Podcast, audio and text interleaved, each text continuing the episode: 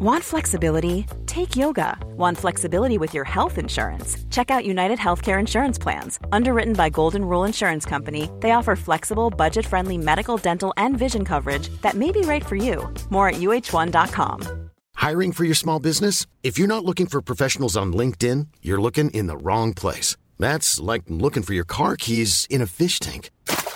LinkedIn helps you hire professionals you can't find anywhere else, even those who aren't actively searching for a new job but might be open to the perfect role. In a given month, over 70% of LinkedIn users don't even visit other leading job sites. So start looking in the right place. With LinkedIn, you can hire professionals like a professional. Post your free job on linkedin.com slash people today. Hej och välkomna till ännu ett avsnitt utav Succé. Mord i området runt, in till Arboga. Mm. Vi ska ringa Hasse Aro lite senare för att se om han har någon analys varför det sker så mycket bestialiska mord just i det här området. Är det en slump eller kan det finnas någon liten orsak gömd i myllan? Mm.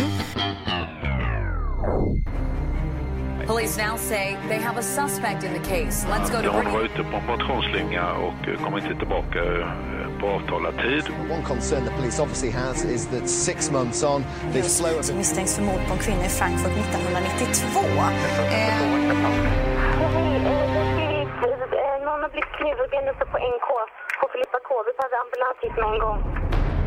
Idag i alla fall så ska vi ta upp styckmordet i Askersund som det brukar benämnas. Eh, och kvällen den 18 juni 2014 så ringer 25-åriga Jonna Henningsson som också kallas för ridtjejen i media polisens larmcentral. Polisen Örebro, Johanna. Eh, hallå, var står du ifrån? Polisen Örebro. Ja, okej. Okay. Vad bra, det var rätt. Eh, det är så att jag har haft ett litet triangeldrama eh, eh, ganska lång stund. Jag och en tjej till och så en kille. Eh, okay. Och eh, han, ja, han har väl typ valt henne, eller han, jag vet inte. Han, jo, han har nog valt henne. Eh, och jag skulle åka och hämta mina grejer. Jag vaknade i morse och bara, nu vill jag ha mina grejer som är hemma hos honom. Eh, så jag eh, åkte dit och han var inte hemma. Och hon var där och eh, hon, eh, ja hon hatar mig.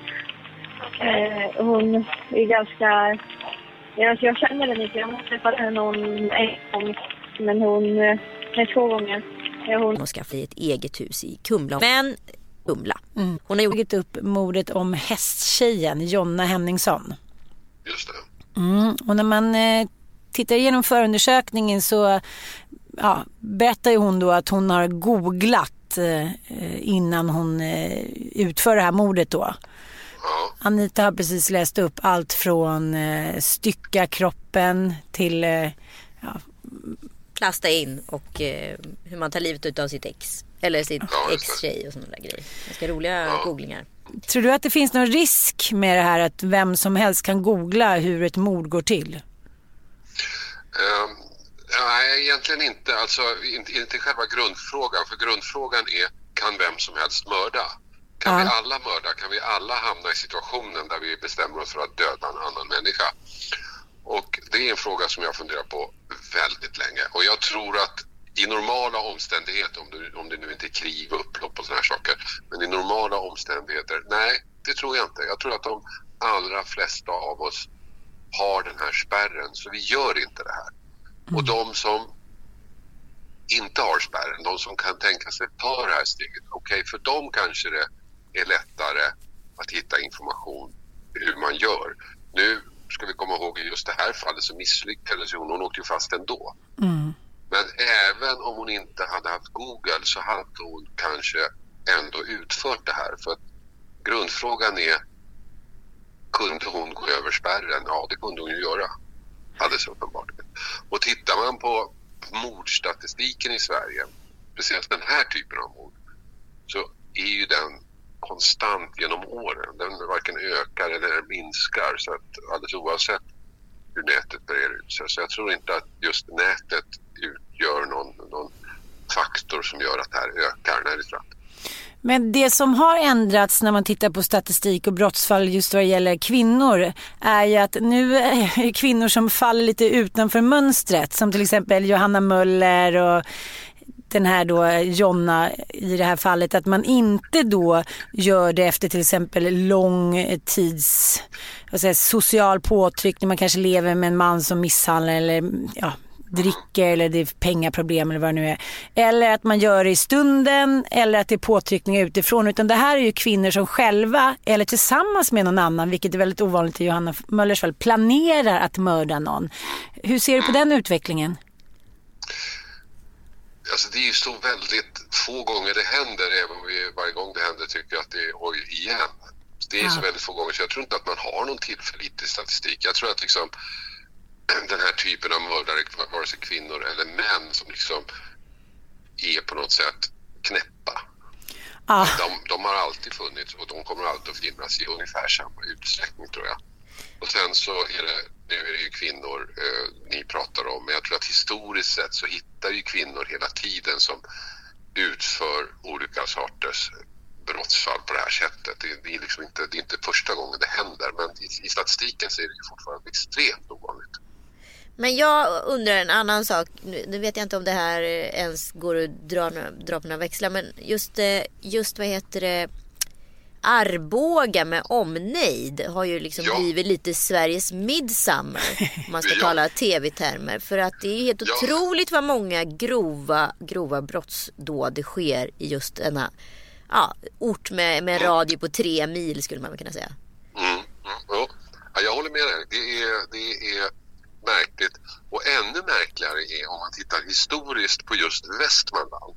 Ja. Som inte är i särskilt många andra sammanhang som sticker ut på något sätt. Det är ett vanligt svenskt landskap. Men just när det gäller märkliga brott så är det ju eh, väldigt många som har skett där. Du hade ju Salaligan, ett gäng knäppskallar ja. som härjade uppe i Sala också, Västmanland.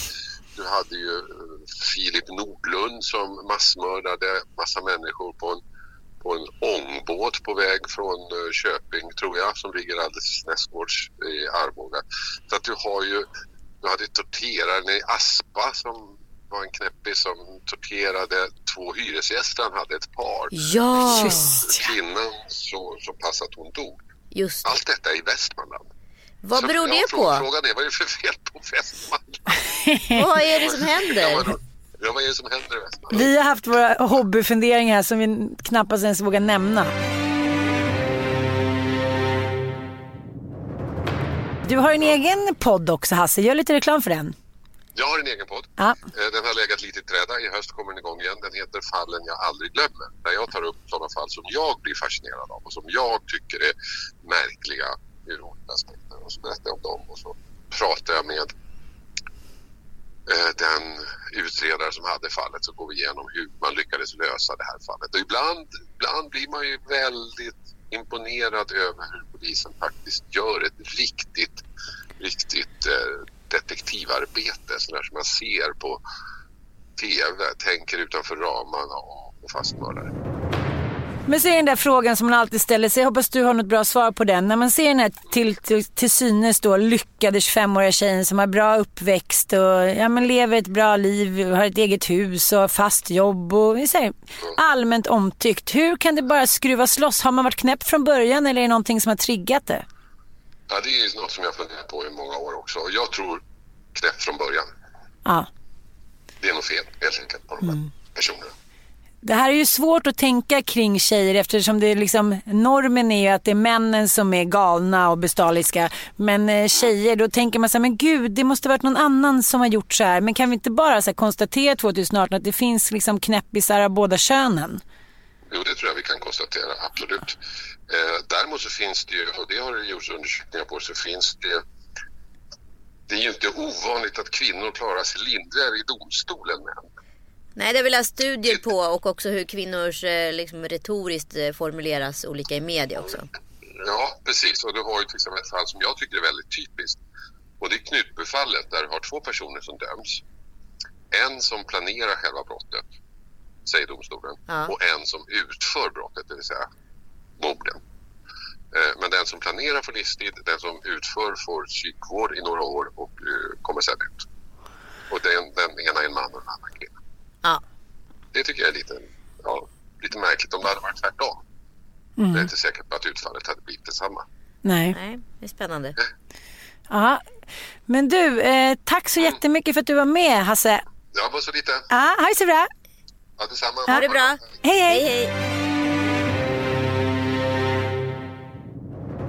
Eh, Dagen för själva mordet då var ju den 18 juni 2014. Just det. Mm. Och eh, efter, enligt egen utsago då, enligt Jonna så hade hon legat vaken hela natten. Men nu på morgonen så tog hon det här, ja man får väl säga ödesdigra beslutet att hon skulle sätta sig i sin bil och köra till Askersund där, där hennes ex-pojkvän och hans nya tjej eh, bodde. Och eh, det verkar inte som hon tvekade på, på vägen i alla fall utan om hon haft några dubier så har hon haft dem där på natten utan hon eh, parkerade utanför deras hus och sen så stod hon där och väntade i porten tills eh, trappan skulle bli olåst då. då. Hon visste att Lovisa som var den här superrivalen bodde där inne, eller fanns där inne, var kvar där för hennes bil stod parkerad utanför. Och eh, ja. Och killen hade hon ju koll på för han var ju på dagsskiftet eftersom de var på samma Precis. jobb. De jobbade ju fortfarande på det samma är så jobb. Sjukt. Det är så konstigt. Ja. Ja, huh, jag undrar hur stämningen var där. Alltså, eh, vid sextiden så var hon ju fortfarande i väntan då på att eh, den här Lovisa skulle komma ut. Så att inte, hon hade knackat på eller någonting utan hon har suttit från då morgonen och väntat på att Lovisa ska öppna dörren. Eh, ja, och där har hon vankat fram och tillbaka och eh, hon säger hon så, eh, själv att hon vankade fram och tillbaka att hon inte visste om hon skulle våga göra det. Men det verkar som hon hade bestämt sig. Mm. Ja, så att man kan ändå säga att hon har haft ganska många timmar på sig att liksom ta sitt förnuft till fånga och besinna sig. Men nej, Icke. icke så fallet. Hästtjejen gick upp för trapporna och ringde till slut på dörren. Mm. Expojkvännens nya flickvän Lovisa Lind öppnade dörren. Och flickvännen hade såklart inte en chans när liksom Jonna gick till attack. Och även här, eh, som i Schürrer-fallet så har hon använt, har Jonna använt en hammare. Sen hugg hon alltså 22-åringen rakt i nacken flera gånger med liksom de här preppade sprutorna. Ja, precis. Och då berättar hon att hon, den här Lovisa liksom lät och ojade sig att de, men det ändå liksom inte hände någonting. Och de hade ögonkontakt under tiden då. För att hon slog henne med hammaren i bakhuvudet och trodde ju då att hon skulle ramla ihop. Men det gjorde hon ju inte. Hon, eh, ja, hon ojade och lät och även fast hon nästan var på gränsen till medvetslös så slogs hon ju för sitt liv. Ja. Hennes armar och ben var överallt som Jonna uttrycker sig då. Eh, efter det drogs, drogs 22-åringen igenom hallen vidare in i badrummet. Eh, Lovisa gjorde vissa motstånd och skrek. Jonna fick tag i en handduk och försökte få tyst på Lovisas skrik med den. Men det funkade tydligen inte heller. Och sen fick hon ta tag i sin medhavda förskärare och högg rivalen i halsen och ansiktet och nedre delen upprepade gånger. Men kniven var alldeles för slö. Och hon tyckte inte heller att det funkade. Alltså hon fortsatte skrika helt enkelt. Precis, och då kom Jonna på då att eh, ja, nu var kniven för slö, vad skulle hon göra då? Då kom hon på att hennes kille då, ex-kille Jonas, han brukade ha en förskärare ute på sitt datorbord. Ja, en jaktkniv. Ja, okej, en jaktkniv. Ja. Eh, och då funkade det, då fortsatte hon hugga och då var det som hon sa, då gled kniven in. Mm. Mm. Eh, och jag bara tänker på det här liksom oerhörda smärtan, skräcken, lidandet som den här Lovisa blev utsatt för under de här minuterna av liksom galenskap. Ja, det är så jävla besinningslöst våld. Det är helt sjukt att tänka sig. Nej, jag kan inte ens, eh, bara jag blundar och tänker på den dödsångesten så vill man ju, jag vet inte vad man vill göra. Ja, Ja, hon lämnar alltså lägenheten helt iskallt. Hon går ner till bilen och kör tillbaka till Fällingsbro där hon bor. Där hämtar hon en såg, en fogsvans och några IKEA-påsar i ett utomhusförråd. Sen kör hon tillbaka till Askersund. Men där händer någonting. Och sen när jag åkte tillbaka så åkte jag vid Brändåsen. Eh, Det är då som polisen står där. Så kör för fort. Så de tar mig. Helt otroligt. Mm. Men jag tycker att det, det här är återkommande att jag menar, bovar åker fast på något sätt men ändå glider undan radarn. Men hur kan man hålla liksom, kylan? Vad är oddsen för att hon ska åka fast just då? Alltså det är så otroliga sammanträffanden här. Ja, hon åker alltså tillbaka till lägenheten och sen så styckar hon upp henne eh, enligt eh, guidelines på Google. I fyra delar och stoppar då i de här IKEA-kassarna. Och sen bar hon ner dem och placerade dem i personbilen eh, som hon har liksom kört fram till gårdshuset liksom, så hon lätt får in det. Hon kör sen bort bilen eh, och, med kroppsdelarna och ställer dem i en parkering. Eh, och sedan återvänder hon till lägenheten för att städa upp allting med mopp och disktrasa och spola rent med duschen. Eh, men det som jag tycker är så otroligt liksom, vad ska man säga, extra pikant det är ju då att eh, Jonna, efter hon har städat bort allt blod och tvättat av sig så sätter hon sig kallblodigt och skriver då en liten lapp till sitt ex Jonas. Hej, med tanke på din tystnad så förstår jag att du inte har valt mig. Så jag tänkte åka hit och hämta alla mina saker. Eh, möttes av en skogstokig Lovisa. Kul att du redan gått vidare. Posta din nyckel och eh, har tagit eh, allt som kan vara som kan påminna om mig. Hoppas du eh, och Lovisa blir lyckliga ihop. Det verkar ganska, ni verkar ganska lika eh, när ni är arga. Sköt om dig. Kommer alltid älska dig. Jonas. Kram från din Jonna. Mm. Ja, men alltså, det, här är ju, det här är värre än alla liksom, skräckfilmer man har sett. Nej det är så sjukt. Det är så sjukt. Det är Men sjukt. tror du att hon tror på det här då? Att hon inte har mördat precis och styckat? Är det så här...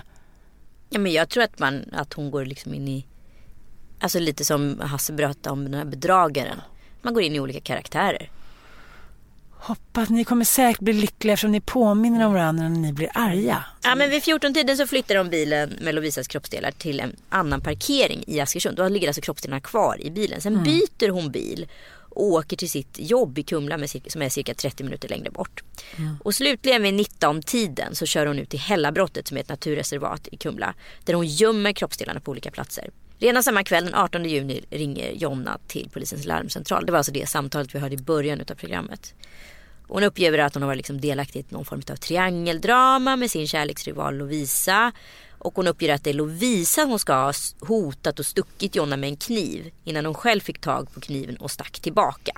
Mm. Hon säger också att det inte var meningen att Lovisa skulle dö. Nej, och hon säger också så här att Jonna är väldigt orolig. Hon flyr nämligen i panik. Men nu är hon orolig vad som har hänt med Lovisa. Så hon vill att polisen ska åka dit och kolla. Ja. Men på polishuset i 19 juni, då är hon ju arresterad vid det här laget. Med dåvarande advokat Sofia Nordqvist så erkänner alltså Jonna att det är hon som har utdelat knivhuggen som ledde till Lovisas död. Och den 24 juni, sex dagar efter morden, så inleds polisförhören med hästtjejen där hon ingående berättar om triangeldramat som slutar i mord. Och eh, hon visar också polisen var hon har gömt kroppsdelarna. Och eh, det polisen säger om eh, Jonna är att hon är extremt lugn, hon visar ingen ånger. Det var helt enkelt meningen att den andra kvinnan skulle dö. Kvinnan var liksom inte bra för mannen. Och det var det hon ville berätta för honom. Ja, och det är också det hon säger i förhören att hon på allvar trodde att nu skulle det bli bra. Om bara rivalen försvann. Då skulle de kunna fortsätta att leva lyckligt i alla sina dagar. Och det påminner lite om så här stalkerbeteende. Eh, att så här, ja ja, eh, ingen spelar ingen roll att vi alla träffat varandra utan om bara min rival försvinner då kommer jag få flytta in i Evert Taubes hus och bli hans fru och leva och bo och verka där. Liksom. Det verkar inte som att det finns en idé om att det kan finnas en annan person på andra sidan som ger sina privata val. Nej. Exempelvis Jonas i det här fallet som kanske nu inte vill vara med Jonna utan han kanske faktiskt är kär i Lovisa. Eh, de försöker överklaga vad heter det, domen eh, för hon blir dömd till 16 års fängelse. Utan menar på att det är, eh, är liksom att det inte var överlagt mord. Mm. Eh, rättspsykiska undersökningen visar ingenting på att Jonna har några psykiska problem eller psykiska störningar. Det är, vilket är helt fascinerande. Men den 18 mars 2015 så skär- skärper alltså Göta hovrätt tingsrättens dom och dömer ryttarinnan ytterligare till lagens strängaste straff, alltså livstidsfängelse. Ja. Sen dess eh, så har det ju varit en hel del i media om det här som har handlat om när eh, Jonna då, eh, hon fortsätter ju härska och söndra i fängelset kan man ju lugnt säga. För tvång och hot då. Jonna ville att de skulle gifta sig. Men det ville inte den här kvinnan då och då hade hon hotat med att jag har kontakter utanför då som kan se till att din lillebror elimineras och sådär. Ja, eh, hon har haft lite kompisar på väg in som inte har fått komma dit för de har haft eh, knark med sig in till henne och liknande. Eh, hon läser tydligen väldigt mycket historia som hon själv säger. Hitler, Mussolini, andra härskartyper och liksom, ja, diktatorer kan man väl säga. Gud det låter klyschigt, klyschigt fängelselitteratur måste jag säga. Ja men det kanske är lite så att man måste på något sätt så upphöja sig själv där inne för att inte bli helt galen. Men om man redan är helt galen? Jo, jag menar men för att på något sätt stå ut då. Ja. Man har ändå levt ett, fri, liksom ett liv i frihet. Det är klart att det påverkar en att vara där inne. Alltså maten, det sociala. Men eh, det, hon också, det som jag har läst också är att hon får ju så många beundrarbrev från män i fängelser. Så det är liksom ombytta roller. Oh, wow. Ja, det är ju ganska ovanligt. För det här är ju ett väldigt vanligt fenomen att män då får kärleksbrev och gifter sig i fängelset och det finns någon enorm extrem eh, beundran och något så här, inte vet jag, något sexigt verkar kvinnor tycka med brottslingar. Men det verkar tydligen vara vice versa också. Fascinerande. Mm. Ja, tack för att ni har lyssnat. Vi är tillbaka om två veckor med ett nytt kvinnligt brottsfall. Tack för att ni lyssnade. Police now say they have a suspect in the case. Let's go to Hon var ute på en motionsslinga och eh, kom inte tillbaka eh, på avtalad tid. One concern the police obviously has is that six months on they've slowed... Misstänks för mord på en kvinna i Frankfurt 1992. Eh... Någon har blivit knivhuggen uppe på NK på Filippa K. Vi behöver ambulans hit med en gång.